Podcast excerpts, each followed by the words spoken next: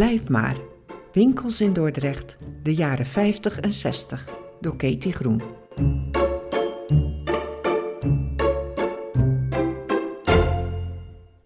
Er moet zorg en liefde achter zitten. Johanna Elisabeth Bouwman van der Steenhoven, Beppie, is 81 in het jaar 2012. Ze is de jongste dochter uit het elf kinderen tellende bakkersgezin van Van der Steenhoven aan de Prinsenstraat. Al jong moest ze hard meewerken thuis en in de winkel, en omdat zij de jongste was, rustte later ook de zorg voor haar ouders op haar schouders. Op de vraag of haar vader een leuke man was, steekt ze direct haar duim omhoog. Ik had een geweldige vader. Bij de burgerlijke stand werd begin 1900 een fout gemaakt, waardoor de kinderen van Johannes van der Steenhoven gingen heten in plaats van van den. Door deze fout is Johannes van der gaan gebruiken. Zijn broer Koos had een bakkerij op het Bagijnhof en hij bleef onder de oude naam van den gebruiken. Hun vader Johannes Jacob van der Steenhoven was brood- en banketbakker op het Bagijnhof.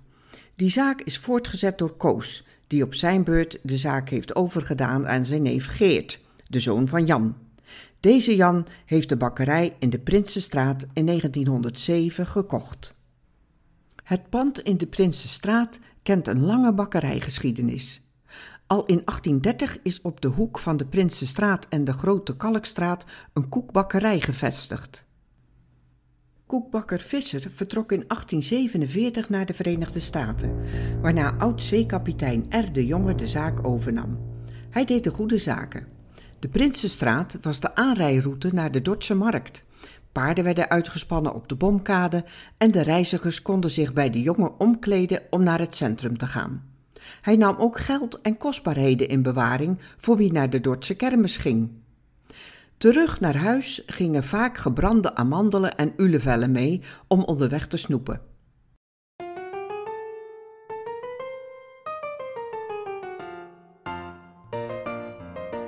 Het familiebedrijf werd in 1907 overgedaan aan Johannes van der Steenhoven, de vader van Beppie.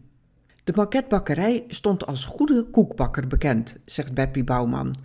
Die traditie heeft vader voortgezet. Er kwamen veel mensen langs van buiten de stad, zoals uit de Hoekse Waard en Zeeland. Op den duur gingen we bestellingen bezorgen met een auto.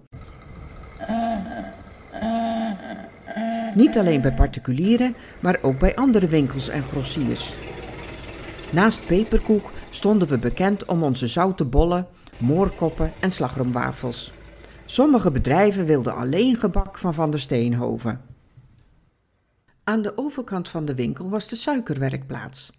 Eveneens aan de overkant was het diakonessenhuis. Vele jaren was Jan van de Steenhoven voorzitter van de Vereniging voor Diakonessenarbeid in Dordrecht en omstreken, die in 1919 werd opgericht.